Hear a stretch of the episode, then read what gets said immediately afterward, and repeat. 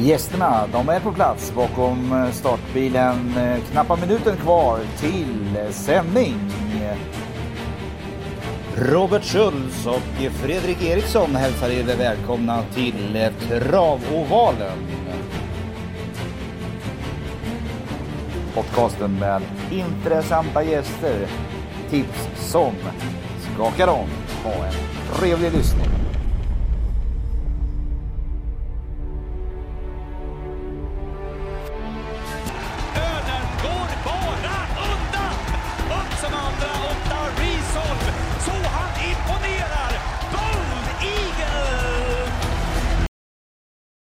Så, ja men Travovalen, vi har ju en fantastisk, för jag skulle vilja säga så här, eller hur Eriksson? Det här är en levande legend som vi har som eh, gäst i Travovalen denna vecka. Verkligen.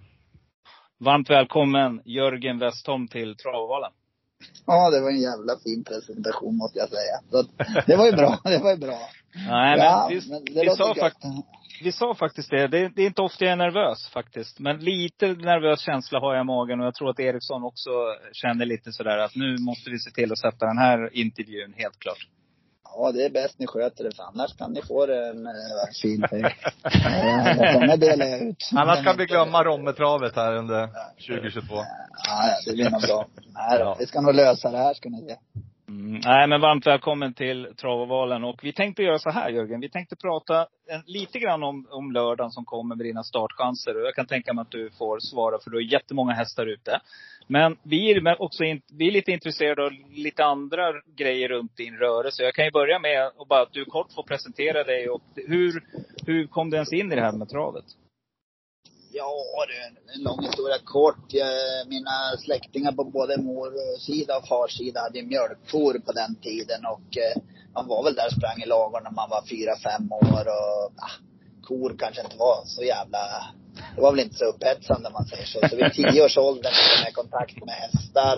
Skulle jag väl prova att rida på något ställe. Där ramlade jag av. Så det tänkte jag, det, var, det där verkar inget bra för mig. Så hade jag väl slank in på ett bananskal och kom till en halvtokig amatörtränare kan man nog kalla det. Som ganska omgående sa att mockar du 16 boxar så får du köra en häst. Så jag var där sommaren låg väl fyran till femman tror jag det var. Så fick jag mocka 16 boxar så fick jag köra en häst på eftermiddagen. Lönen var att jag fick köra en häst. Så att eh, det, det var det hard way om man säger så. så att, eh, och han släppte ut mig med en häst och den eh, Ja, det var väl inte sken antagligen, men det var i alla fall okontrollerad körning kan jag säga när jag fick åka ut med den där hästen. Och jag kom hem, sam, jag kom hem samtidigt med hästen och tänkte att det här var ju jävligt häftigt, men det kunde ju vara trevligt om man kunde hantera situationen också. Sen vävdes det på så att jag nötte på där varenda ledig dag, varenda helg var jag där och mockade de där boxarna. Så fick man köra en häst och så fick man börja köra två hästar för att då skulle de väl utnyttja inte köra fler hästar. Redan när jag gick eh, i årskurs fem så hade min lärare att jag behöver inte hålla på och gå i den här skolan mer. Så att jag har redan bestämt mig vad jag ska bli. Jag ska bli travtränare. Och sen har det rullat på. Jag tycker att det är spännande jobb. Sen har jag fått ynnesten att kunna leva på min hobby. Det är inte jättemånga som har uh, lyckats med det. Och det har jag lyckats med, så det är jag glad för.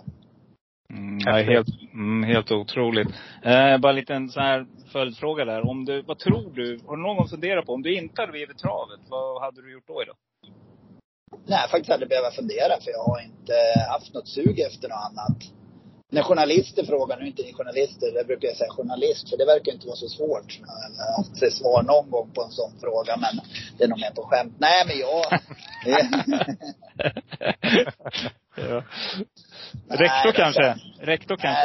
Nej, rektor. nej, politiskt skulle jag nog vilja engagera mig lite, men eh, nej, det blir nog ingen av med det. Någon politisk karriär, men jag tycker att mycket saker skulle styras. Ordet sunt förnuft, det är väl det jag försöker genomsyra min rörelse och säga till min personal. Jag försöker använda ordet sunt förnuft så blir allting bra. Och det ordet har ju, ja, det är på många ställen eh, försvunnit i Sverige och det tycker jag är jättetråkigt. Så att jag tycker att vi kunde leva lite mera, ja.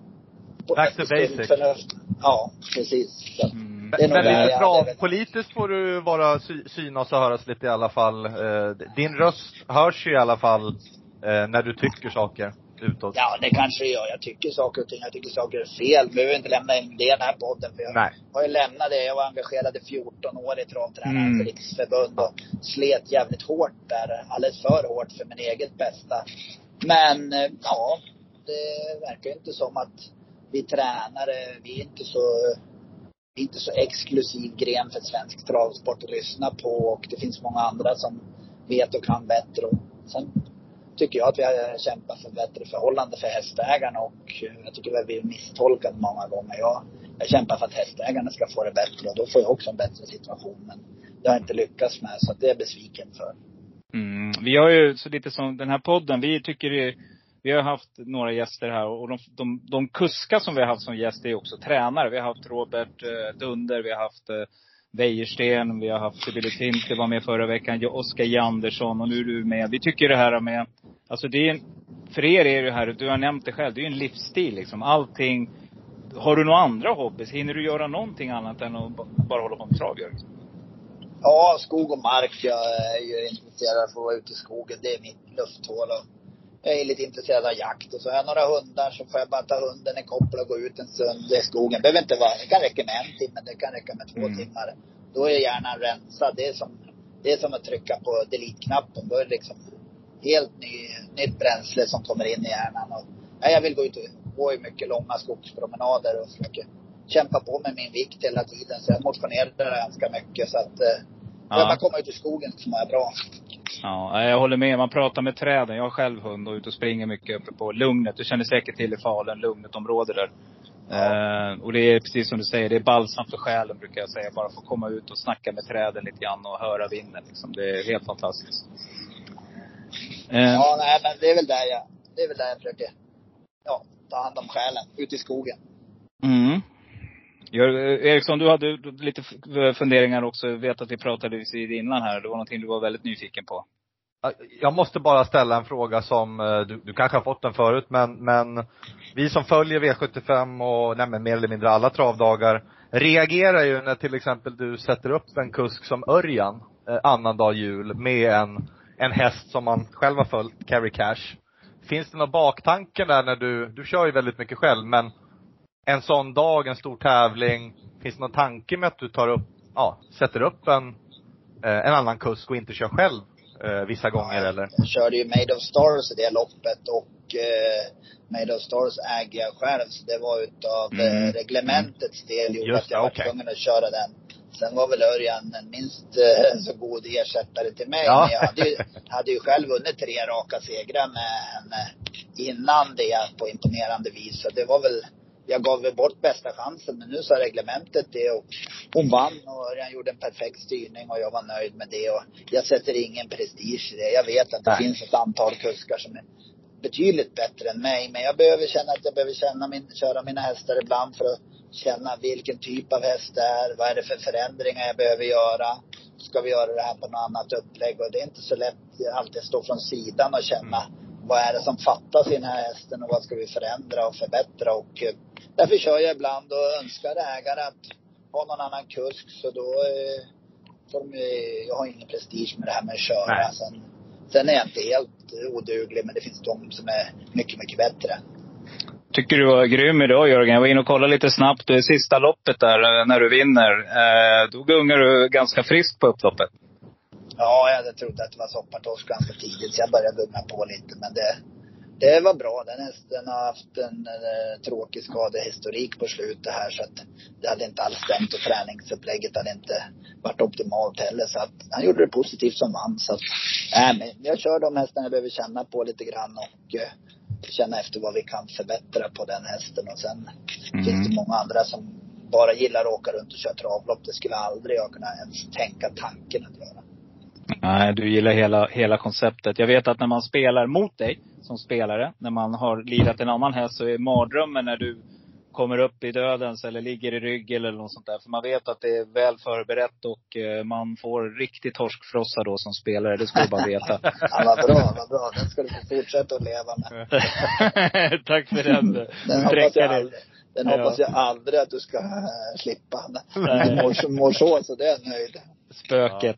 Ja. det är härligt Jörgen. Ehm, En annan, ja, hur är det med rörelsen i Frankrike? Jag vet att du hade en rörelse tidigare i Frankrike. Har du någon filial där i Glas? Ja, det har jag. Jag hade en som precis när ni ringde upp var målfotoslagen. Rocky Tilly var nere i Toulouse och gick ett lopp. Han gick ett, han gick ett så bra lopp. Det var tredje spår och dödens hela vägen. Och var klar vinnare till sista steget. Så lyckades han torska på ritsen. Han gjorde en fantastisk säsong nere i Frankrike i fjol. Han tjänade en miljon 2021 nere i en miljon 2021 i eh, Frankrike och just nu har jag tio stycken hästar där och eh, jag är inte där så mycket själv nu med tanke på eh, pandemin. pandemin har ju bara krångla och krångla när man ska resa och så. Så att det har blivit lite mindre utav det. Jag tycker det är spännande i Frankrike men ja, det har blivit, det har blivit mindre Frankrike. Men jag har två fantastiskt duktiga tjejer som har skött det jättebra och hästarna går bra där nere så att eh, det rullar på. Sen får vi se när det lättar upp i det här Mm. ja, skitåren, om man ska kalla det så. Mm, ja, jag förstår det. Eh, en nyfiken tanke där också. Jag förstår ju självklart att det skiljer, skiljer en hel del mellan Frankrike och Sverige att köra lopp. Men jag skulle vilja, kan man liksom på något sätt förmedla en känsla hur det är att köra ett Prix d'Amérique-lopp? Alltså vad är det som händer när man går in i den här volten? Förstår du vad jag tänker då? Alltså, vad, är det, vad är det för skillnad på ett svenskt lopp? Om du tar Elitloppet eller, eller ett, ett storlopp i Sverige. Vad är det som Det är- skiljer? Det är lottat och klart. Då vet man ju förutsättningarna. Då vet man vem som ska ta spets. Man vet ungefär var man hamnar själv. När man åker upp dit så, det tror jag kan fråga alla eh, svenska kuskar om att man har kört massa vanliga lopp på Vincennes. Man åker upp, åker ut, svänger iväg lite lugnt och prydligt och tar sina positioner. Men när man väl ska in där, det är ju, ja, då, då finns, det finns ingenting som är likt just det. Då är det liksom, ja, alla har eh, adrenalinpåslag. Vissa människor gör oväntade manövrar och eh, nej, man mm. måste ha rätt så vassa armbågar där. Och peppa peppa, jag lyckades väldigt bra med mina starter. Det var väl ett år jag misslyckades och det var ju, då fick jag en position lite för dåligt det loppet. Det året jag var fyra med Superlight. Det, det kommer jag gräma med hela mitt liv. Kommer gräma med den. Jag var, det var till fyra omstarter och jag fick tredje invändigt istället för ryggledaren och eh, fjärde invändigt fick jag. Så att jag hade jag Ja. fått ryggledaren på Gigant istället. Då kom Scarlet Knight emellan där så vart jag fastlåst. Jag, jag gick i mål med oryckt norskt, oryckta tussar i Prix d'Amérique och var fyra och eh, ja, den, den kommer svida länge. Tror du att du hade kunnat vunnit då? Alltså om du hade fått rätt lopp? Hade du kunnat vunnit den dagen? Hade jag suttit tredje invändigt då tror jag att jag hade kunnat, det öppnades invändigt och tror jag att han hade kunnat, då hade han varit precis på linje med Gigant Neo och då, det vet jag inte. Men det hade varit stenhårt i mål och sen vann ju han med tanke på att Jagde Belöje varit diskvalificerad i efterhand. Men Ja. likväl så hade man varit i historieboken och det är någonting som, det är nog den, den enda förlust jag minns. Jag tänker att jag, titt, jag har ett livs, en livsstil som jag tittar inte i backspegeln. Det är mitt motto. För tittar, tittar man och tittar i backspegeln hela tiden då är det lätt att man kör i diket säger jag. Så Ja. eh, jag, tittar, jag tittar framåt men just det Mm. jävla loppet det, ja. det, det minns jag. Är, är det Jag då också... för länge där, för jag hade tänkt att glida in på Superlight som är lite före min tid, men man har ju Ja, det finns ju några hästar som man har kollat upp från förr liksom. Och visst var det fyra starter till och med? Eller var det fler starter i Ja. Prix d'Amérique med Fyra. Jag var fyra? Fyra, sexa, sexa oplacerad va. Så Mm. att, ja, Mm. ja, det var häftigt. Det var det jag gav mig väl absolut eh, kicken för att man vill vara med där igen. Det är ju det häftigaste lopp man kan vara med i och eh, tids nog ska jag ha en häst som kan vara med där. Det har jag bestämt mig. Det är där, det jag håller på att jobba för hela tiden. Så att eh, eh, någon gång ska jag vara med där igen. Och när man väl är med då kan allt hända. Ja, då, det är också en fråga vi hade, för det brukar vi ställa. Det är det loppet, det är det du vill vinna i din karriär. Det är Prix d'Amérique. Ja, ett så vill jag vinna alla lopp egentligen som man är med i. Men eh, Elitloppet och Prix d'Amérique, ja det är ju Jag tycker att Elitloppet var ju nummer ett för mig länge men jag tycker att eh, eh, Vincennes har gått om också i sin inramning. Eh, mitt i vintern svinkallt och inget mysigt att vara där. Ändå så piskar de upp en stämning som är helt, de som har varit på plats och stått ute på läktaren där vet ju att stämningen är häftigare där än på Solvalla så att eh, sen vilket man vill vinna. Jag skulle bli, jag skulle bli lycklig över bägge kan jag säga. Så att eh, det är väl klart. klart man har målsättningarna där att dit ska man komma någon dag och ja, ja den dagen, då kommer jag vara nöjd. Ja, alla har vi ju någonting som vi strävar efter liksom. Och eh, eh personligen har jag ju följt Elitloppet nästan varje år sedan 1992 tror jag det var som jag började gå på Elitloppet. Och vi har haft en annan gäst som är lite intressant som jag säkert tror att du känner. Det är ju Patrik Nilsson. Eh. Referenten som också brukar husera på Romme.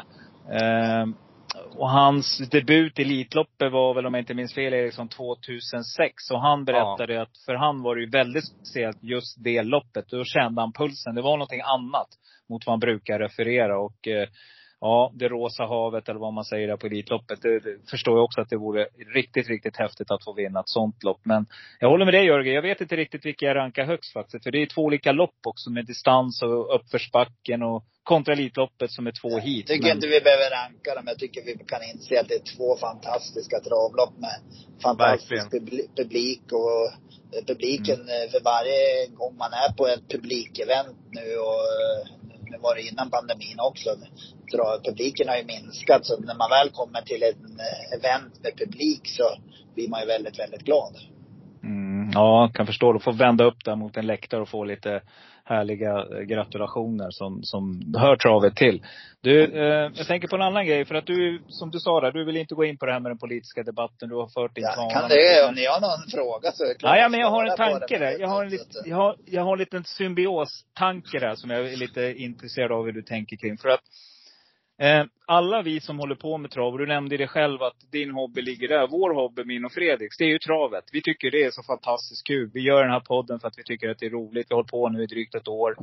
Eh, vi tycker det är jättekul att få prata med er, för att ni är de vi ser liksom på tvn.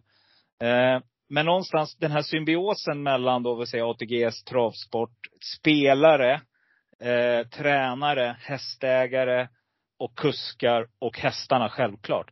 Eh, hur, hur, ser du på den? Alltså vad, hur tänker ni på stallbacken, tränarrörelsen kring oss spelare? Är det någonting ni pratar om?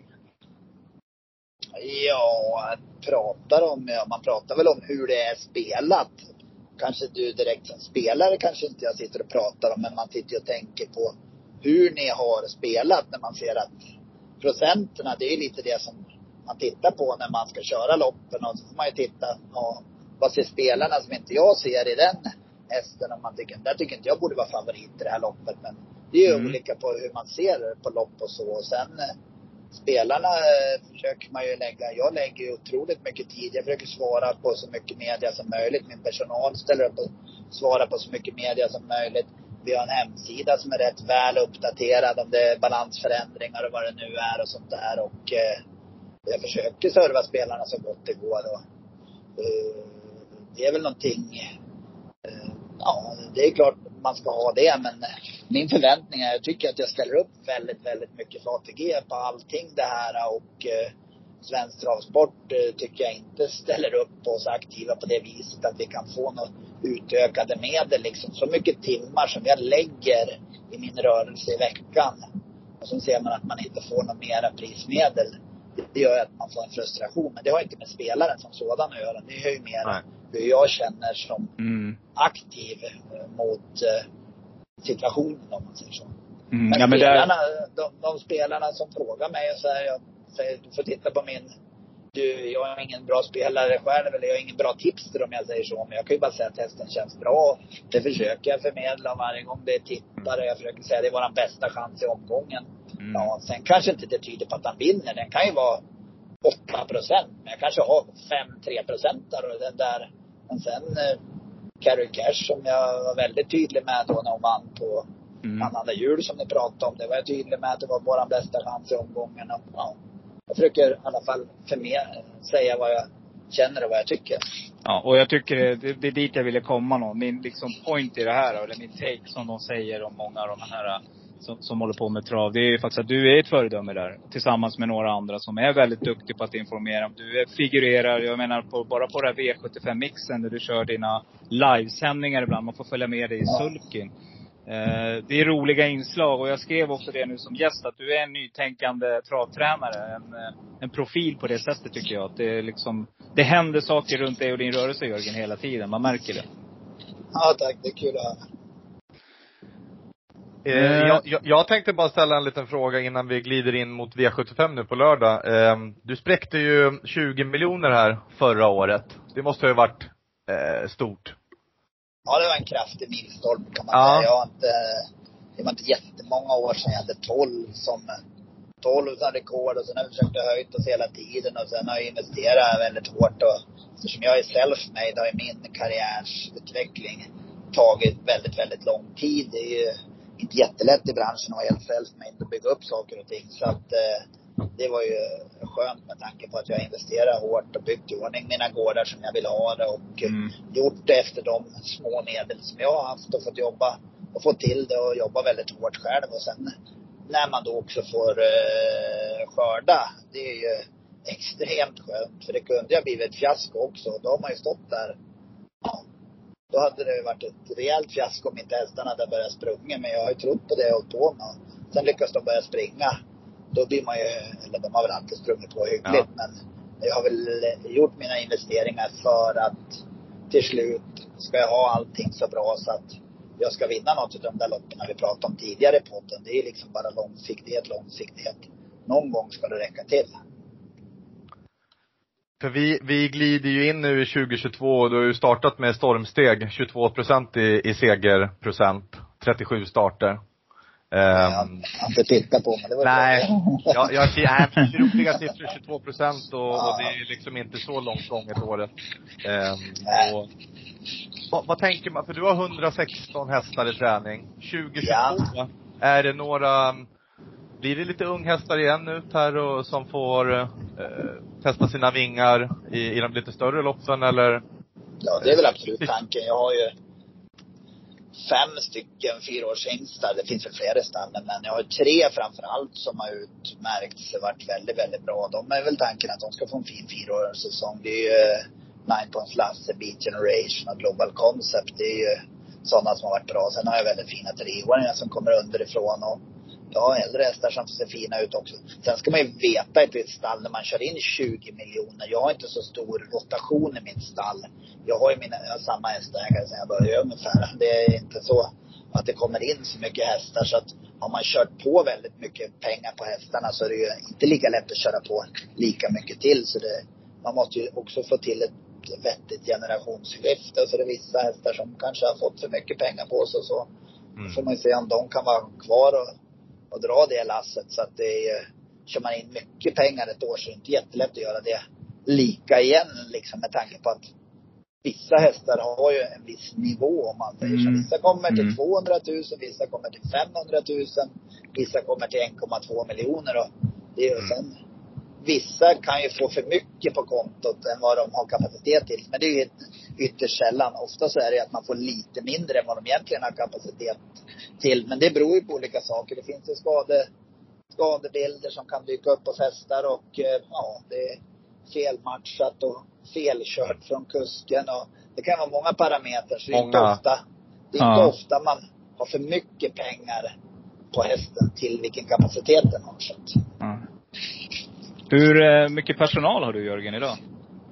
18 stycken heltidsanställda och sen är det ju ett antal olika F-skattare om man säger som kommer Ja. och hjälper till i olika situationer. Det är hovslagare, extrakuskar, helgarbetare. Ja. Sen har jag ju två stycken ekviterapeuter som eh, jobbar med hästarnas, eh, håller dem mjuka och smidiga och tittar igenom senor, ligament, rygg, ryggar, allmäntillståndet. Sen har jag veterinär som kommer varje onsdag till mig.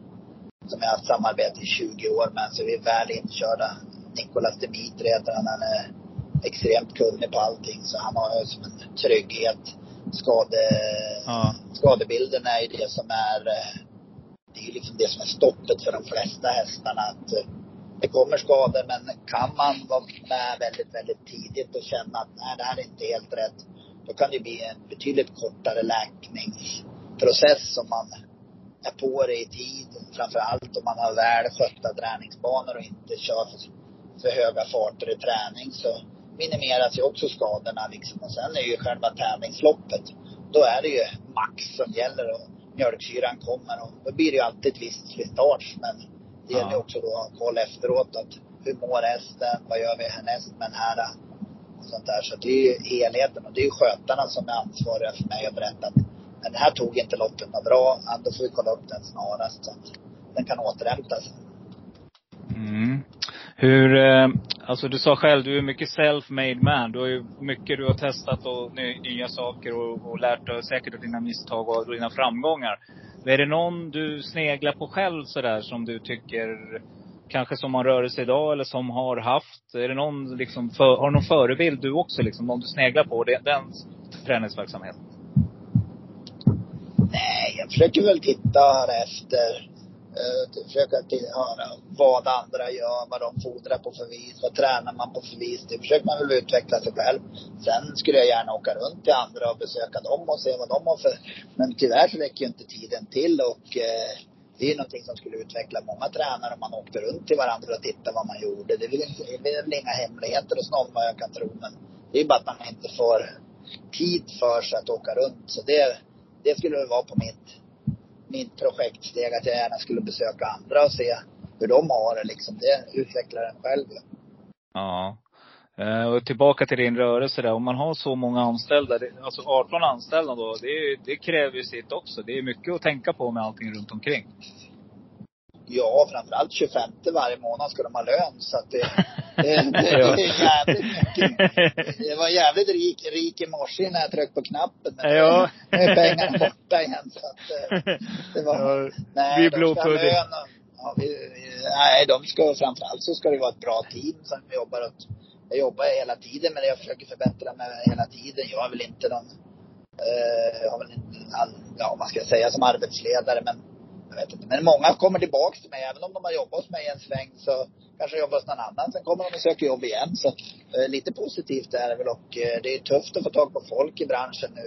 Jag gjorde tre nyrekryteringar under januari månad med absolut kompetent personal som eh, det är ju jättekul att jag kan få tag i folk och det är väl att man har ett hyfsat gott rykte som arbetsledare och chef och teammästare. Man eh, har en bra inställning till det hela och det försöker jag hela tiden vidareutveckla och kommer framförallt eh, jobba med ännu mer med, för jag har en kille som har börjat jobba, hjälpt mig lite på admin och eh, utveckling utav personal och inte personalbiten ska börja första mars heltid. Så att eh, jag hoppas kunna bli en ännu bättre arbetsgivare och framförallt bättre att leverera information till mina kunder. Så att eh, det är väl Aha. känner man ju alltid att man ligger lite, lite efter att jag skulle berätta det om hästen och det och det. Men ja, det, det, man får försöka göra så gott man kan. Ja, men jättehärligt att höra. Alltså det är ett annat samhälle vi lever i idag gentemot, vi säger 15 år tillbaka. Det, idag krävs det ju information hela tiden. Det är liksom det samhället vi går åt. Jag ser det själv på mitt jobb också, att information, det är det man efterfrågar mest. Ja, det är Mm. Mm. Eh, du sa det själv, men jag tänkte innan vi det, går in på V75 Jörgen, så vill jag bara, jag har sett någon gång när ni kör något träningsjobb på din, eh, din nya bana där som har tak. Hur bred Ja. är den egentligen, där ni kör det? Den är ungefär fem meter bred så det finns gott om plats för två ekipage och det finns ingen som har upplevt det på något vis att det känns konstigt. Jag byggde Nej. den bara den där uh, utan att någon har gjort det där förut så att jag hade aldrig kört en sån så det var ju lite risky liksom att bygga hela det där projektet. Sen kanske inte hästarna hade trivts där inne. Att de hade fått lite det hade varit lite för trångt och så men det finns inte en häst, det har inte hänt en enda incident där inne som har varit någon olyckstillfälle eller någon. Men de är, jag byggde den precis lagom den där väggen för att hästen skulle kunna se ut över väggkanten så han inte skulle känna att han Ja. var in, instängd. Och sen har jag gjort det med vindnät och så inte regn och snö ska komma in. Och ja, för mig, eh, den är guld värd för mig och med tanke på att man inte behöver jobba hela tiden med nät. På nätterna blir det annars väldigt, väldigt mycket jobb, jourjobb och så. Med tanke på att ekonomin för de flesta är inte så jättebra. Då blir det att jouren, den får man ju ta själv och då får man inte sova på natten. Så det blir Nej. Ju inte så bra om man ska sitta och harva den. Och sen hade jag väl inte riktigt tänkt på effekten sommartid. Vattna är väldigt viktigt för att få en bra spänst, svikt i, i gruset och med tanke på att jag har tak och och eh, väggar så kommer ju vare sig vind eller sol åt. Så att när jag vattnar så torkar det ju inte ur. Har man en öppen rakbana, det vet ni själv, det torkar ju på en halvtimme om man har blött ner någonting. Så att Ja. där var winnet för mig, min del att eh, jag sparar väldigt mycket traktortimmar och eh, det var också det jag påpekade. Jag sökte EU-stöd för att den här byggnationen och berätta om den skulle vara lite bättre för miljön och mindre traktor och så. Man skulle, men jag hade inte trott att det skulle bli så där extremt mycket jag tjänade in på den. Så det var skoj. Ja, det går ju stick i stäv med din dress Jörgen. Det gröna tänkandet, eller hur? Ja. ja. Ja, ja, det var, det var bra. Så det får du ju Ja. ta åt då. Ja, härligt. Eh, Nej men eh, jag har sett någon bild där. Jag tycker det ser superhärligt ut när ni kör där inne. Det, ja. Eh, Det gäller att hålla i sig där och vara duktig och köra också. Nej, Eh. Hästarna liksom kommer in i sitt spår där så att man Ja. behöver inte vara, det gäller bara att man, att man eh, ja, håller i tömmarna så då går det nog bra. Så det där ni, ni, ni klarar själva, det är nog inga problem. Jag tänkte säga det. kommer Jag och Eriksson kommer och kör. Ja, ja. Erik, Eriksson, på med krukan stor och så dröm kör är att få köra häst, så jag får väl mocka 16 boxar och så kanske jag får köra. Det funkar inte, det funkar inte så nu för tiden. Nu ska man först köra häst och sen kanske man gör något annat. Så att, Det där är här- intressant. Alltså jag, jag har ju, innan pandemin så var jag i restaurangvärlden och den branschen tog ju, ja, en jobbig törn. Men när jag började, då började jag i, med disken och man började och tog sig hela vägen den vägen upp. Och, eh, men det är som du säger nu, nu när folk kommer till oss, eller när jag jobbade, då tror folk att det är räkmacka, det är bara att ställa sig i luckan och räkna upp ordrar liksom, eh, och, och laga. Men man, man har mer jobbat som vaktmästare från Ja. Eh, ja, det var intressant att höra. Ja, det är nya Ja. tider kan jag säga. Det känns som Ja. att man borde mocka för att få liksom komma, den vägen känns bättre, i alla fall för mig. Ja, nej, nu ska alla vara catchdriver när de är 20 år och Ja. grova pengar. Så, så är det. Pre- Så är Precis. Du, vi hoppar över på helgens eh, fantastiska, Östersund ska vi till och den banan. Och vi börjar med banan Jörgen. Vad ska vi tänka på som spelare? Ja, det är inte jätteofta i Östersund kan jag säga, men eh, det brukar gå väldigt bra för mig.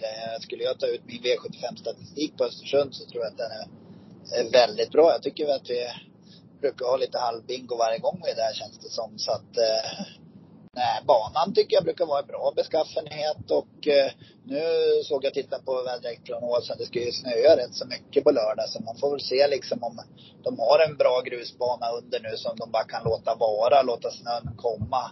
Sen blåser man bort den precis innan tävlingarna. Det vore det bästa. För det såg ut som det skulle kunna bli ganska mycket snö tyckte jag, i alla fall i morse när jag tittade. Och det är ju aldrig kul en tävlingsdag när det kommer mycket snö. För då är det ju jäkligt svårvallat om man säger så. Man vet ju inte. Även om det är grusbana så kan man ju behöva brodd fram och det hoppas jag väl att det ska bli bra bana. Mm. Då inleder vi första då, V751, där du selar ut nummer två, Nine Points Yankee från spår två. Och det ser ut som att du kommer att få mycket spelarnas förtroende här Jörgen. Hur tänker vi kring eh, den här starten? jättehög kapacitet i den här hästen. Han var ute med mig i E3-finalen som treåring och sen spårar det ur helt och hållet. Han har inte fått travet att stämt. Det var ett ligament i ett bakknä han har blivit störd utav i omgångar och eh, blivit bättre och bättre. Han fick en lång eh, rehab och sen har han tränats igång och eh, vinner eh, ju, vann ju sist och hade nog krafter kvar då. Men han har problem med kurvorna för han kränger ner lite i kurvorna och han trivs ju bäst på innerspår och eh, jag kommer vara väldigt aggressiv där för att ta mig till spets. Och får jag spets så ska jag prova att köra där den här gången. För han kan lättare hanteras i spets om man säger så. Mm. Du känner ju till säkert flera av de här motståndarna. Är det någon du är lite mer rädd för? Har du, har du hunnit sett startlistan?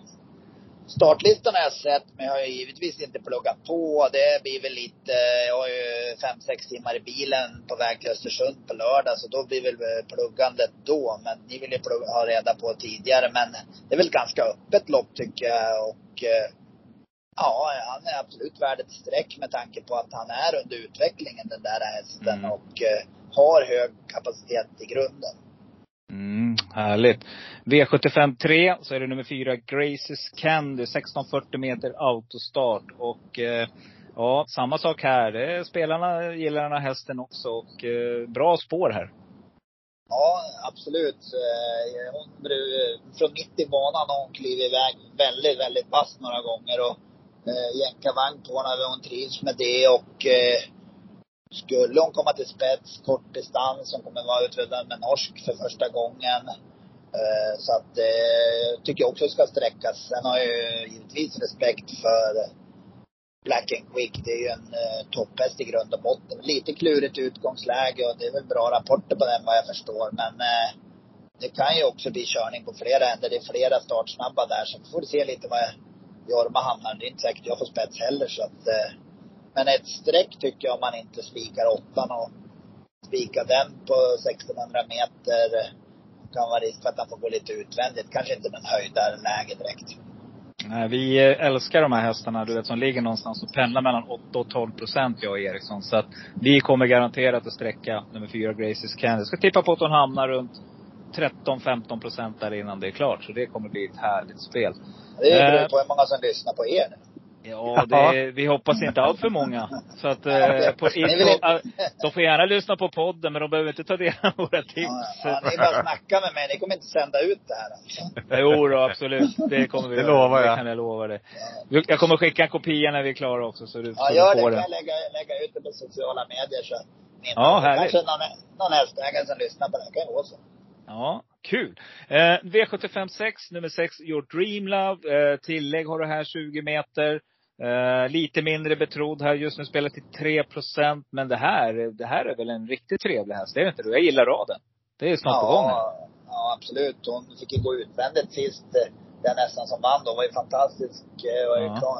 Lugauers häst som vann där på Valla. Hon gick ju utvändigt om den. Och jag la ju aldrig av riktigt. Och Dödens är väl inte ens hennes melodi heller. Och hon har ju varit ute mot tuffa gäng och gjort det bra. Så skulle det bli lite körning och hon får komma i de rätta ryggarna och eh, ja, de rätta ryggarna får vi se vilka det kan vara. Men jag tror inte att hon blir frånsprungen i det här gänget. Det är ju resan som kommer bli avgörande om hon kan vinna loppet. Men blir det lite körning och eh, får vi se hur långt det kan räcka. Mm, när reser ni iväg på? Sticker ni tidigt lördag morgon eller? Tidigt lördag morgon kommer vi åka. De, de, de sover bäst hemma och de åker så pass bra på de här stora bussarna. Så de kommer stå Ja. där och få lite lunch när de kommer fram, jogga dem lite grann och förbereda dem. Det är nog det bästa upplägget. Ja. Och så har vi kommit till V75 7. Där har vi en häst som jag vet att du är väldigt nyfiken på, Eriksson. Eh, från spår 7 har vi eh, Ara. 2140 meter autostart. Är bronsdivisionen. Och från spår 12, nummer 12, Reven Deja Vu. Ja, vi kan ju börja med Ara som eh, satt fast senast och hade väldigt mycket kvar på Gävle kändes det som i tömmarna och eh, hade stått över lite inför den uppgiften. Med tanke på att eh, starten innan trampade han sig lite på en hov så att han var lite öm där och fick vila då från det. Och, eh, men nu har han eh, gått sina jobb efter den där starten och kan öppna på rätt så bra. Så han Mm. kommer i alla fall få information om att han ska försöka komma iväg rätt bra där. Så att eh, jag tycker väl att han skulle kunna vara eh, jag såg att den är en procent nu. Jag vet inte hur pass bra de andra är i det där loppet men han hade krafter kvar senast och kan ju vara ett långskott. Mina hästar har gått bra när Mats Djuse har kört dem också så att eh, man ska väga in de positiva parametrarna. En helt underbart streck där. Det är till och med 0,66 för exakt. Och eh, tri- han trivs bra i, i amerikansk vagn. Ja, det gör han. Kommer bli det igen. Och sen har vi en liten favorithäst till eh, Eriksson här, nummer 12, Reven Deja Vu. Vad tror vi från 12? Ja, han är under utveckling hela tiden. Var, han har ju gått fint fem, sex sista starterna. Var jättefin, vann på ett bra vis näst senast på Romme.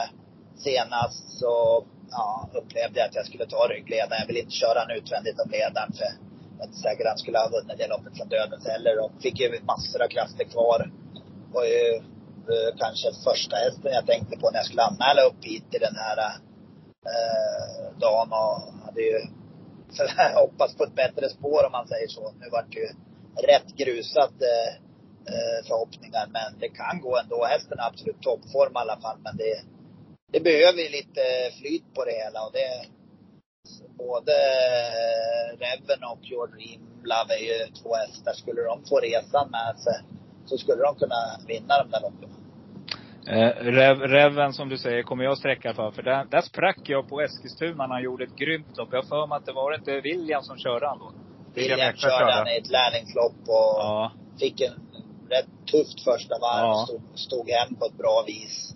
Så att eh, det är en häst som jag tror kommer duga i brons och eh, har fått en bra uppladdning inför det här. En bra urblåsare för ett par veckor sedan. Satt fast senast. Så att hela paketet var ju rätt ordningställt inför det här. Men Sport 12 är ju inte lätt att vinna brons. Det är rätt så jämna hästar där och eh, det räcker ju att någon får spets och köra en sekund för sakta i mitt tycke då, första varvet. Då är man ju, då är man ju rökt där bakifrån. Mm, ja, det är en härlig häst. Eh, verkar vara löpärlig också och gör alltid bra prestationer och, och liksom gör sitt och kämpar.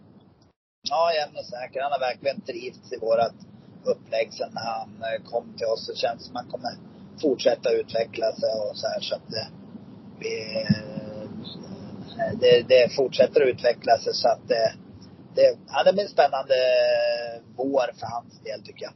Mm. Ja, jag har två snabba bara, så får du fundera på om du hinner med en också Eriksson. Jag tänkte bara, stallets stjärna just nu Jörgen, vem är det? Ja, jag kommer inte ranka någon häst eh, sätta. Jag tycker jag har många fina hästar. Jag tycker inte att det är någon som är värd att bli kallad bättre än den andra. Jag tycker jag har väldigt många fina hästar så att du Ja, får vara nöjd med, va? På toppen, vilka är det då? Liksom, vilka är det som skulle kunna, om vi tänker i en snar framtid här, se, ses i de här storloppen? Nej, det säger jag pass på. Det får hästen, det får hästen eh, eh, visa själv om man vill vara med i de loppen. Jag tycker att, ja, ja, det är svårt. Det är jättesvårt. Superlight, han visste jag inte att han var en bra häst förrän han var sept, oktober månad när han fyllde fem var första gången han visade potential och var en riktigt, riktigt bra häst. Så utvecklingskurvorna är ju väldigt olika på hästarna. Så jag ska inte sitta och ranka någon häst i mitt stall. Det, det får hästarna avgöra. När säsongen är färdig får vi se vem som Ja. var du- duktigast den här säsongen.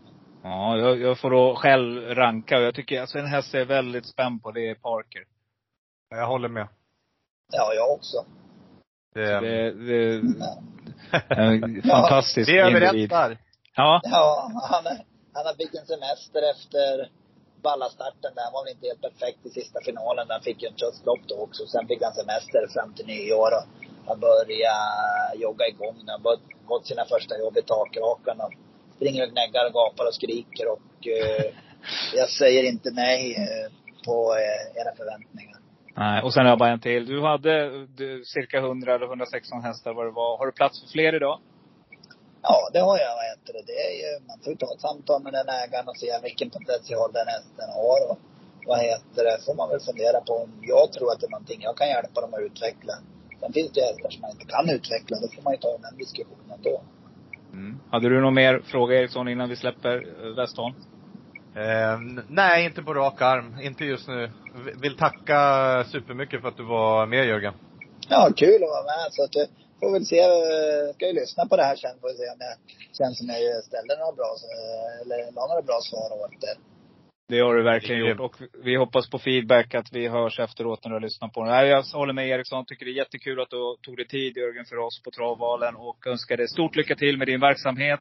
Vi önskar dig lycka till på lördag. Och framförallt att alla håller sig friska och att ni kör försiktigt längs vägarna.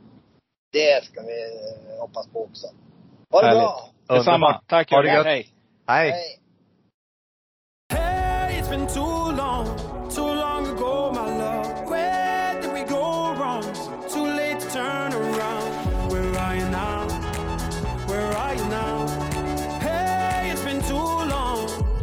Onsdag. Det betyder att vi ska spela in podd. Eh, igår tisdag hade vi besök av Dalarnas King, eller man kan väl säga Gustav Vasa. Eh, Jörgen Westholm. Det var ingen dålig intervju. Nej, det var eh, riktigt kul. Han verkade ha, ha kul också och det ska bli kul med hans uppsittningar här till helgen. Han är ju högst aktuell. Det var lite intressant. Han mer eller mindre bjöd ut oss att komma och köra på rakbanan. Ja! jag ska dit och, och mocka lite så kanske man får, får kolla på i alla fall. Ja, ja. Eh, intressant, intressant. Vad heter det? Nej, det var eh, riktigt kul att, att få den intervjun. För att, eh, ja men Jörgen är som man säger, han är, han är villig att ställa upp och han har väldigt bra information. Och, eh, han förstår det här eh, sambandet mellan oss spelare, hästägare och eh, travtränarna. Så att eh, det är fler sådana till travsporten, helt klart. Du, förra lördagen här då, hur gick det då? Eh, ja, jag har förträngt det. Jag kommer inte ens ihåg hur det gick. Fick vi fem rätt. Okej. Spikarna sprack. Ja. Ehm, gick ju ja, på det- Bled Gers och ehm, ehm, vem gick jag med på? Jag, jo, jag landade i Bravo Sabotage eh, initialt, men det var ju sådär att eh, man valde att köra i, i ryggledare med en favorit. Ah, ja, eh, han hade ju faktiskt eh, han förklarade sig bra efteråt och det, det ska han ha en stor eloge för, när man gör fel. Mm. Erik. Det tycker jag. efteråt, det det är lite too late. Men, Lite too eh, late. Han, mm. alltså när man sitter, man kör en favorit på V75 och väljer att åka i ryggledan. Det, och åker liksom med sträckta linor eh, när luckan kommer. Ah, det är inte superroligt. och det var säkert inget roligt för han och ja, så det var den lördagen. Det var den lördagen. Det började bättre för mig som satte spiken direkt, men eh, Det fortsatte lite sämre. Eh, bra utdelning tycker jag. 94 000 på den raden, men det var ju mycket beroende på att eh, det smällde i sista. Nero Maximus vann med Konrad Lugauer. Och ni som är vänner av podden och lyssnade på mitt avsnitt, sista stycket där, fick den hästen. Så jag hoppas verkligen att någon som lyssnar är någon av dem som fick in de här eh, sju rätter med 94 000. Det är inte dåliga pengar det är inte. inte dumt. Inte dumt. Eh, för övrigt så vann ju Robert Berg med buskablyg och där hoppade jag bort. För jag var helt inne på att eh, jag ratade den favoriten faktiskt. Så att, eh, det är en sån där häst som jag Nej, jag tycker det var ett jättekonstigt kallblodslopp. Och hade det varit någon annan än Robert Berg så är jag ganska säker på att man hade blivit diskad faktiskt för den körningen. Vad tror du? Oj, jag vet inte. Jag, jag tycker det döms olika på olika banor och jag tycker det är jättesvårt. Jag, av det jag såg, jag reagerade inte. Jag, det var ingenting jag reagerade på. Eh, Nej. men jag är inte, jag är inte eh, någon att vända mig till liksom, eh, kring det där. Det var lite gränsfall kan jag tycka. Ja, det var bara när, när, när du förlorar, då jäklar, då tänder du till. Ja, ja men jag, jag reagerade, alltså det var ingenting som jag, som jag stannade till på. Det var när det blev snack om det som jag tänkte, ja det där var kanske så att man kanske skulle ha diskat. Ja, jag, jag passar på den. Jag, jag hade, förstår du vad jag menar? Jag, jag Ja. hade ingen, jag hade ingen riktig å, stark åsikt där. Nej. Eh, Men det kan nog Ja. vara som du säger, det är ju så ibland när vissa, vissa kuskar och, och som kör på ett visst sätt kommer undan. Jag vet inte om det är att man är liksom, ja, är rädd att döma dem som, ja, du förstår vad jag tänker. Absolut. Det kan ju vara så. Så är det. Och eh, jag är helt säker på att det är så. För vi såg ju bara veckan innan där så var det en amatörkusk som horribelt blev diskad med sin häst, eller nedflyttad till tredjeplatsen tror jag det var. Den eh, vann loppet. Hur som helst, sen Quartzier, där satt ju Adrian och slaggade lite grann i spets. Eh, när Mm. Thomas Pettersson kuppade. Eh, jag för mig att det var Adrian va, som satt i spets och sov. Eller vem var det? Var det, eller var det någon annan? Jag är helt ute och cyklar här nu. Nej, Adrian körde väl inte det loppet. Han körde Nej. väl bara i sjätte och sjunde. Ehm, eh, om vi säger så här, jag, jag tyckte ju att um, Quarcia bara var, bara var bäst. Jäklar vad, vi pratade några minuter innan start och jag hade lyckats få se hennes värvning. Och sa ju att det var den som stack ut, verkligen alltså. Och Thomas Ja. Pettersson körde skitbra tycker jag och ja, nej, riktigt, riktigt bra. Eh, det stod till, alltså var det Queen Ratseput som övertog ledningen? Kommer Quarisia. Mm, jag är inne och kollar på loppet här. Mm. Tre hästar är beredda här med kilometern till Eh, mål. bara för att göra klart det vem det var som satt och sov. Nummer 10. Och det har betyder att det 12 var Quarisia tagit över med Ehm, 12 Quarisia. Sasha Kemp. Och det, det kan inte Så heller har stämma. det 10 Kirsi. Då är Queen Ratsebus på gång via tredje. Vi har eh, 1000 meter i trakterna kring en 15. Här kommer Quarisia längre ut i banan.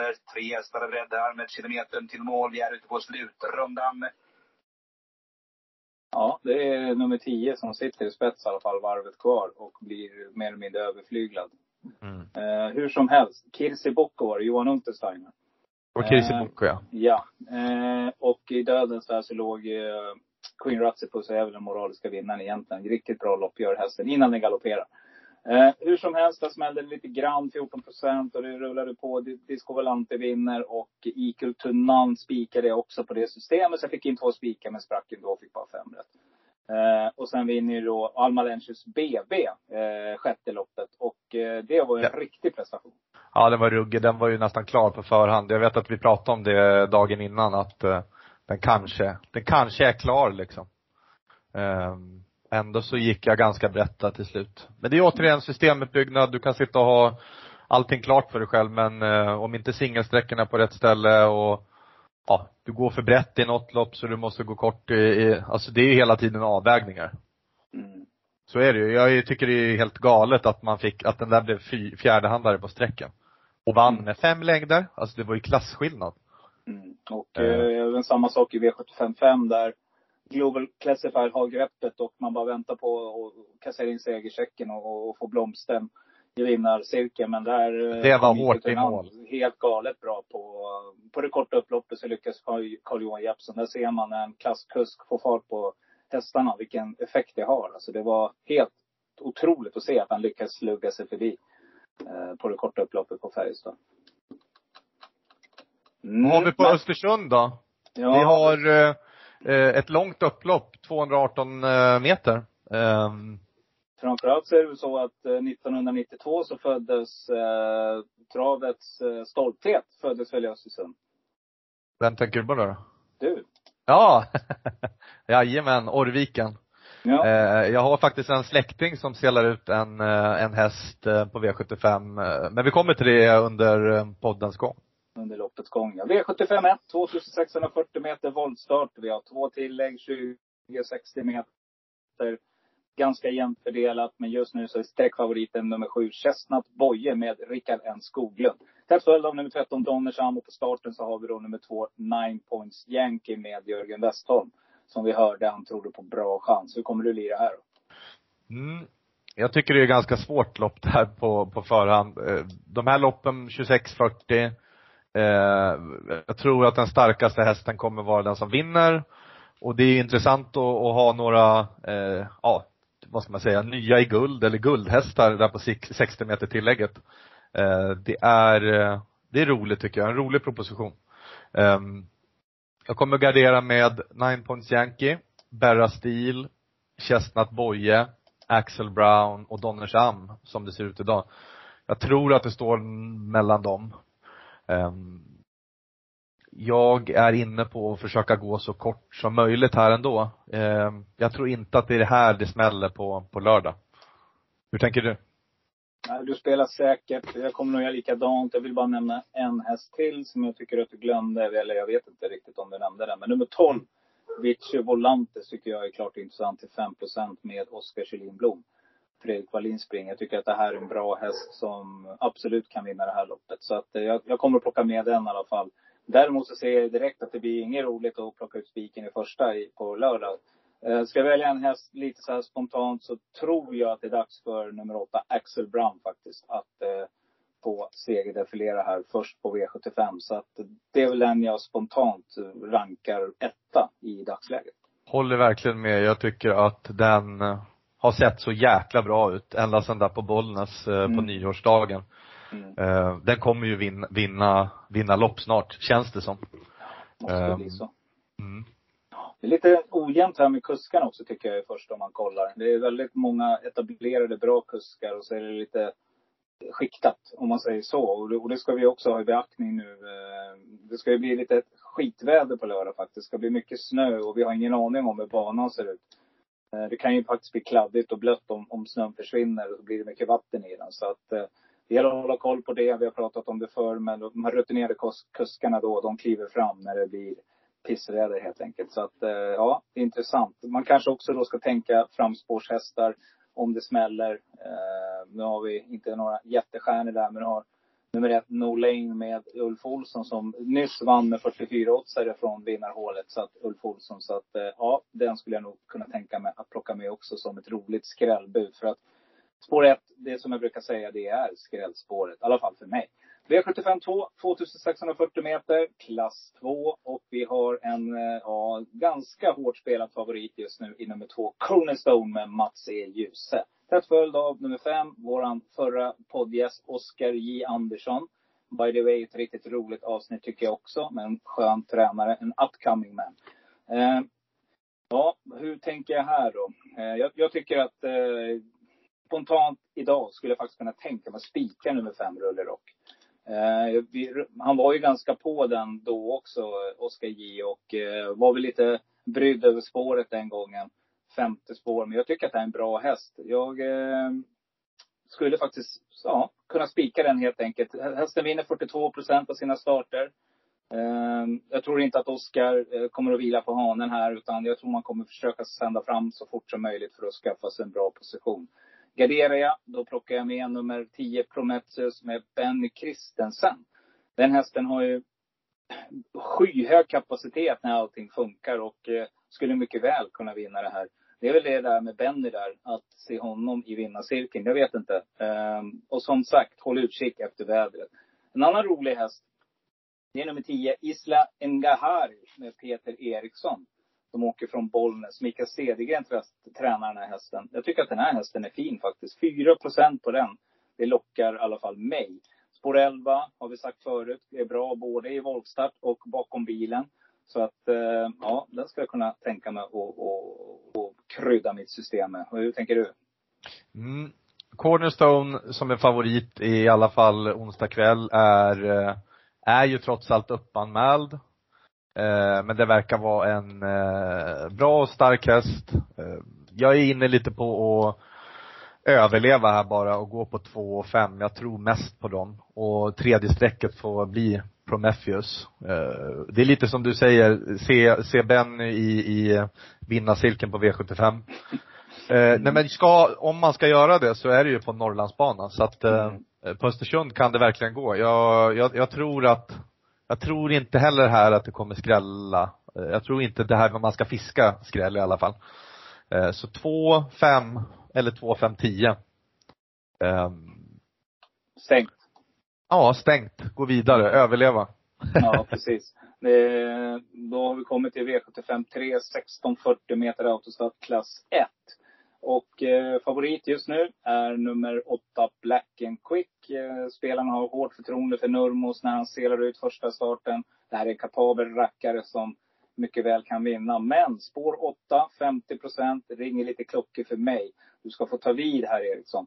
Mm. Eh, men jag tänker att nummer 6, Secondary Stål, var ju en häst som faktiskt var ute när Oskar besökte oss sist. Eh, och eh, den han ju lite varningar för. Där var han fog för. Han var faktiskt femma den gången till 52 gånger pengarna. Hur tänker du här då?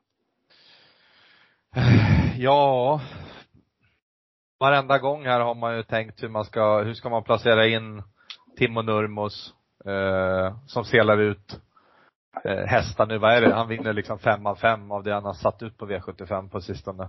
Eh, de kommer ju ut och är otroligt vässade inför starten.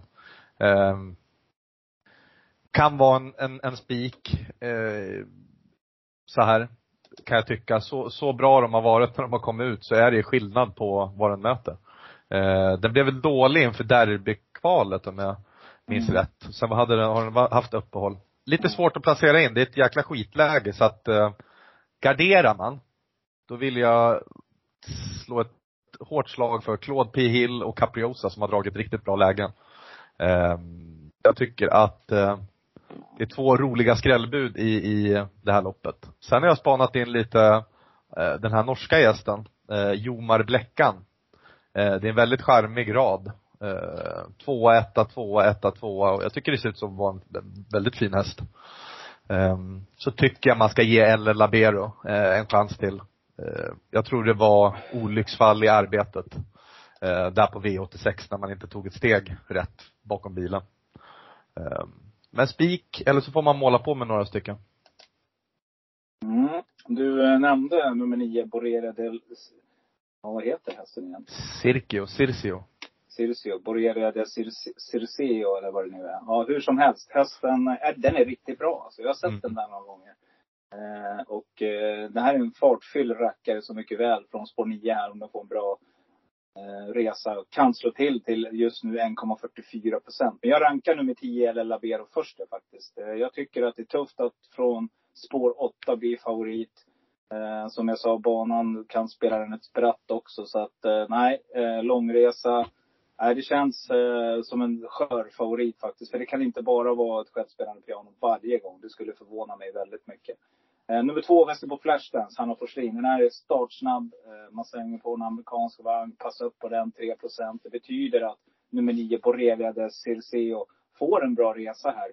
Om man väljer att ta den ryggen. Plocka också med, om ni nu letar garderingar, så tar jag med nummer, självklart nummer fyra, Grace Candy. För Jörgen var ju väldigt uppåt på den här och den kommer nog klättra på strecken. 8% just nu, ska tippa på att det blir runt 12 innan det här är klart.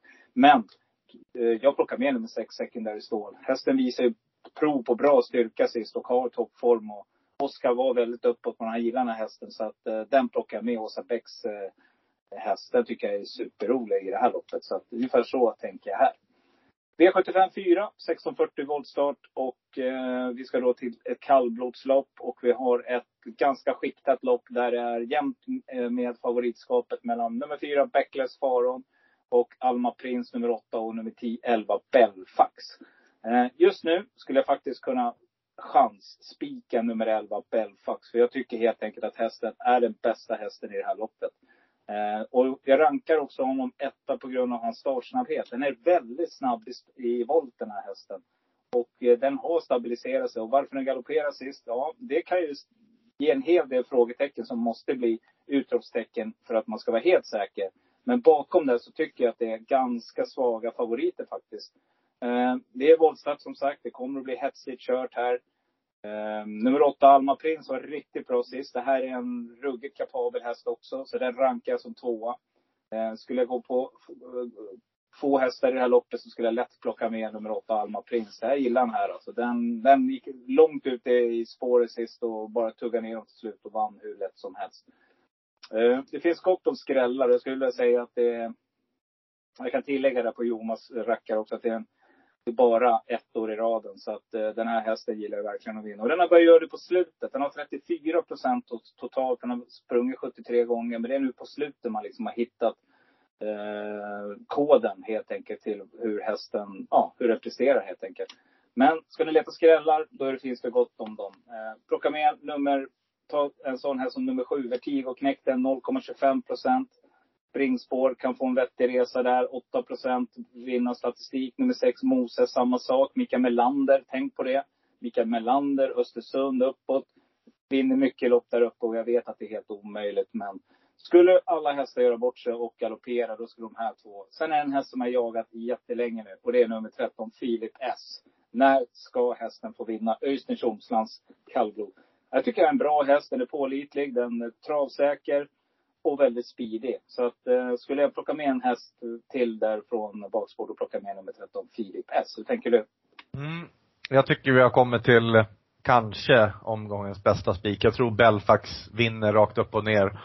Jan-Olof Persson hade ingen, har, det var ju en väldigt konstig galopp eh, senast. Um, och då var man ju helt överlägsen. Um, jag, eh, jag tror att Alma Prins är värst emot. Eh, men jag kommer nog spika mig ur det här. Jag tycker det är väldigt ojämnt där bakom. Eh, bakom Don Viking, Belfax, Alma Prins. Du har till exempel eh, den du varnar för där men, men den har ju inte vunnit på tre år. Alltså det är massa icke-vinnare i det här jobbet, det här loppet. Och någonstans ska vi hitta singelsträck och jag tyckte man var så så himla fin senast. Jag tar inte alls så hårt på att man galopperar efter man man anmäler nu på V75 efter. Jag tror det är tvärtom. Jag, jag, tror att det, det är form som finns kvar och då, jag tror att man var vaccinerad inför senast och var lite osäker på om formen skulle hålla i sig. Nej, jag tror jättemycket på Belfax. 22 procent andrahandare. Wow, det är bara att spika in singelsträcket. Mm. Skönt. Ja. V75 2140 meter autostart och silverdivisionen. Favorit just nu, en mycket, mycket fin sista loppet, nummer 6, Phoenix Photo. Eh, den här hästen gillar vi. Eh, Örjan Kihlström kör. Hur gör du här då? Mm, det kan väl också vara en spik eventuellt. Eh, man ska inte glömma att Gunnar är ny i klassen. Um, motbud, det är lite skiktat här också. Gunnar är ju svinbra. Jag har bara väl lite svårt att, att, att sätta in honom i, i silver så här, första starten. Um, no Limit Jimmet har också varit jättebra uppe i Norrland. Uh, vinner och kommer tvåa.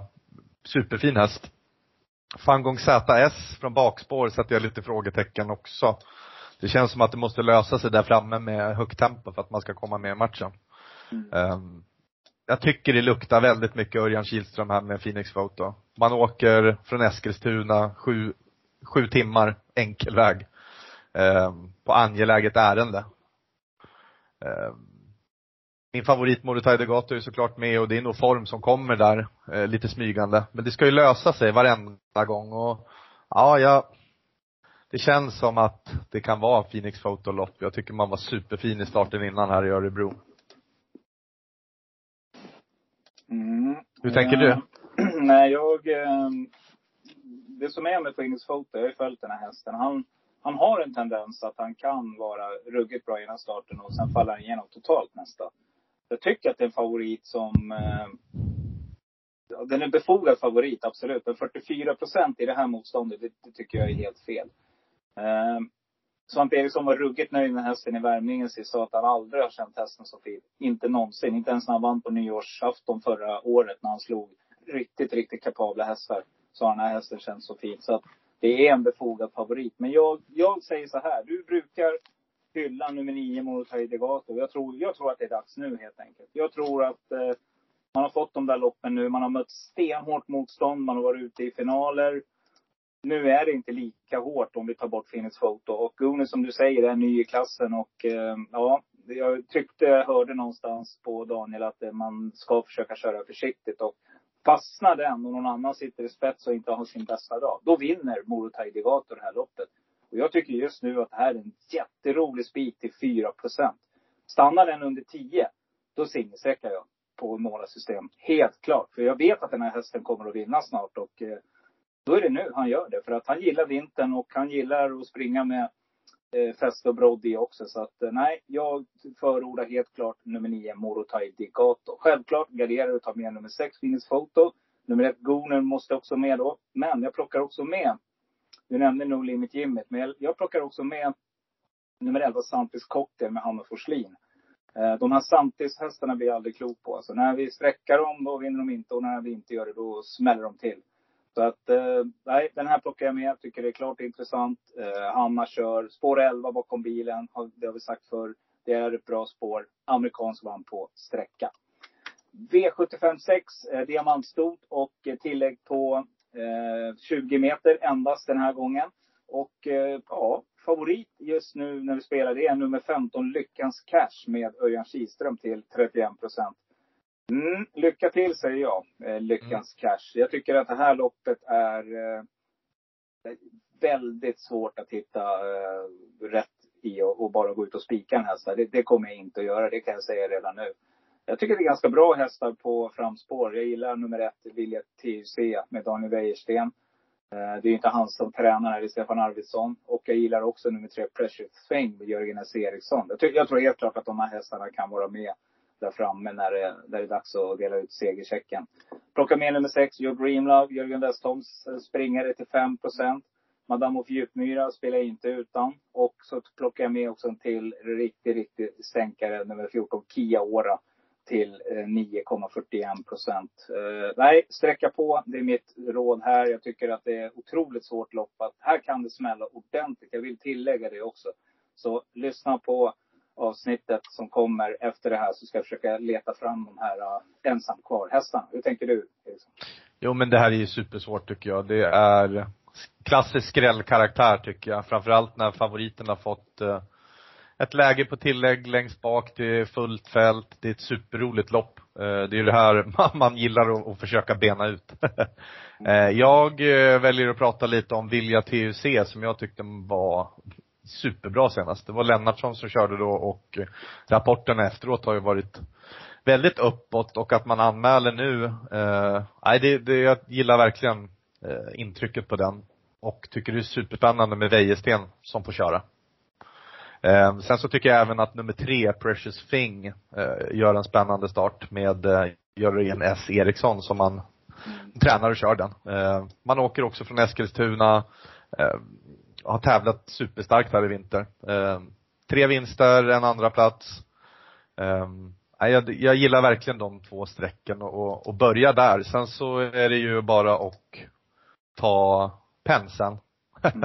och dra på efter plånbok. Nej men det är tråkigt att, säga så men utöver ett och tre, sen är det bara att måla på. Eh, här har vi då eh, hästen jag började prata om lite, Unlimited Face. Eh, en släkting som tränar och Bo Eklöf kör. Eh, det är ett riktigt långskott. Jag får känslan av att det är liksom hemmabana, hemmaekipage, man har poäng för att vara med. Eh, Allt kan ju hända i trav. Så att eh, garderar man brett, ha med den hästen, den, eh, den vinner ändå 39 procent av starterna och jag, jag tror bara inte den räcker till på V75 men vid bred gardering, eller hur är det man säger? Ja, absolut. Och kolla tiderna den går. Den går ju bra tider på långt Men också. det är ju det. Ja. Så att den, hon- är inte speciellt oöm, det är bara, bara att det ska få klaffa liksom. Mm. Eh, ehm, eh, men jag stannar där, annars så pratar man om alla. Jag tycker att eh, det skulle kunna vara ett helgarderingslopp faktiskt. Mm.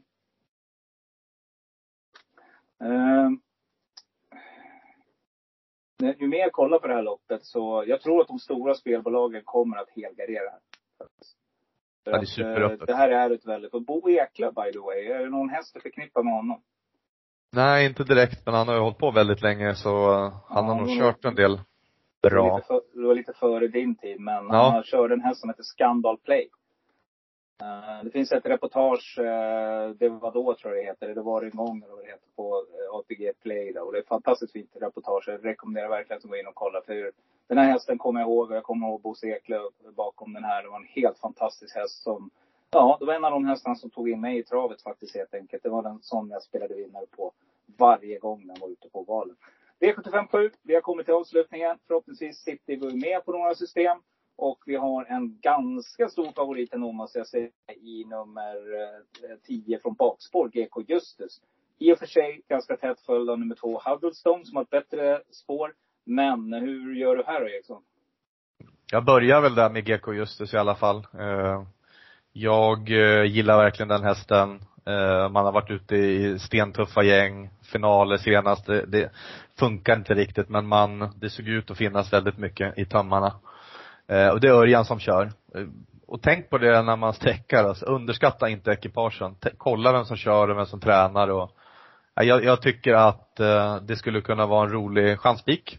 Eh, läget talar ju lite emot. Eh, jag tycker den här hästen är superbra. Eh, ska man sträcka på så börjar jag med Ara.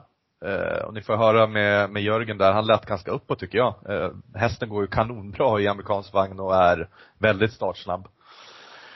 Um, Huddlestone har väl aldrig varit ute på V75 eh, tidigare. Så nu får man bekänna lite färg, men man har ju fått ett väldigt bra läge.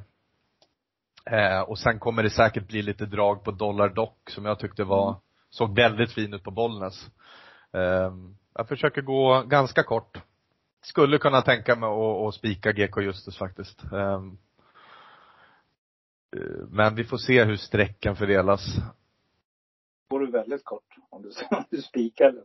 Ja, går- exakt. Nej, nej men alltså kort eller spik. Eh, Jag tycker att Kort garderar man så, garderar man, nej exakt. Nej men, vad ska man säga, Gar- garderar man då tycker jag man ska ha med Ara, Island Radio, Huddlestone, Musett av Djupmyra. Eh, Det är väl de jag håller högst här. Och även Dollar då, som jag sa. Eh, Mm. Men för alla som lyssnar och sitter man och, och undrar vad man ska spika, jag tycker att det kan vara en rolig spik. Örjan sviker sällan på V75. Mm. Med bra hästar. Stall på väg i form, det är Daniel Wäjersten. Jag tycker nummer 11, Il Duce Bocco, är jätteintressant här. Om favoriterna också likadant här skulle göra bort sig. Just nu bara sträcka till 2% Den här hästen vinner 31% av sina starter. Riktigt smällkaramell i sista loppet. Nummer åtta, Red Hot Roaster, Oskar J. Andersson. Den plockar jag med alla dagar om jag garderar. Och jag kommer att gardera det här loppet. Så jag tycker att det är ganska tufft att gå ut och vara favorit som, som GK just så här från spår 10. Nu är det i och för sig Örjan som kör och vi vet ju alla vad han är kapabel till. Men nej, jag kommer att försöka ha streck kvar så jag får lite roliga streck. Jag kommer ta med nummer ett Dollar Dock som du sa. Vårt stenhårda gäng alltså. Länge nu och dåliga lägen och byngligt hit och dit. Men nu har man äntligen fått ett bra läge här och kan kanske kapitalisera på bra formen då.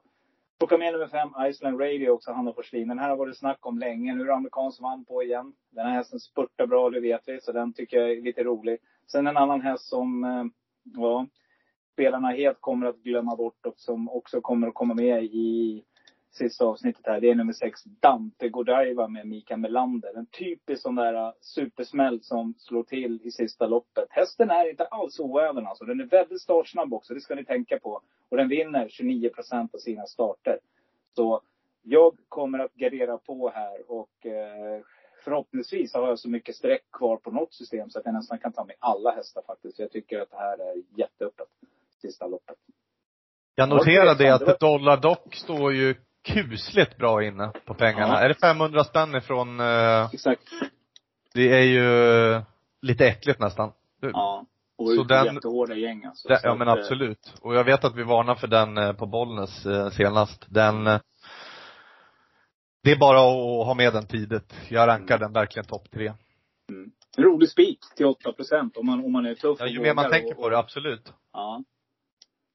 Yes, det var allt Eriksson. Vi har lyckats eh, återigen att eh, gå igenom en V75-omgång. Och förhoppningsvis så, eh, ni som lyssnar där ute nu, går in och köper framförallt poddsystemet där vi har börjat ner, lägga ner lite mer krut faktiskt. För att försöka få in det. Och eh, vi kommer att basera det på de eh, strecken som ni har hört här idag, det vi har pratat om. Och vi kommer också att eh, prata ihop oss eh, det sa vi sist, eh, kommer du ihåg Eriksson, att nu ska vi, ett par timmar innan det så ska vi verkligen sätta systemet 100 procent. Det kan hända att vi går in och ändrar någonting där på lite sena informationer.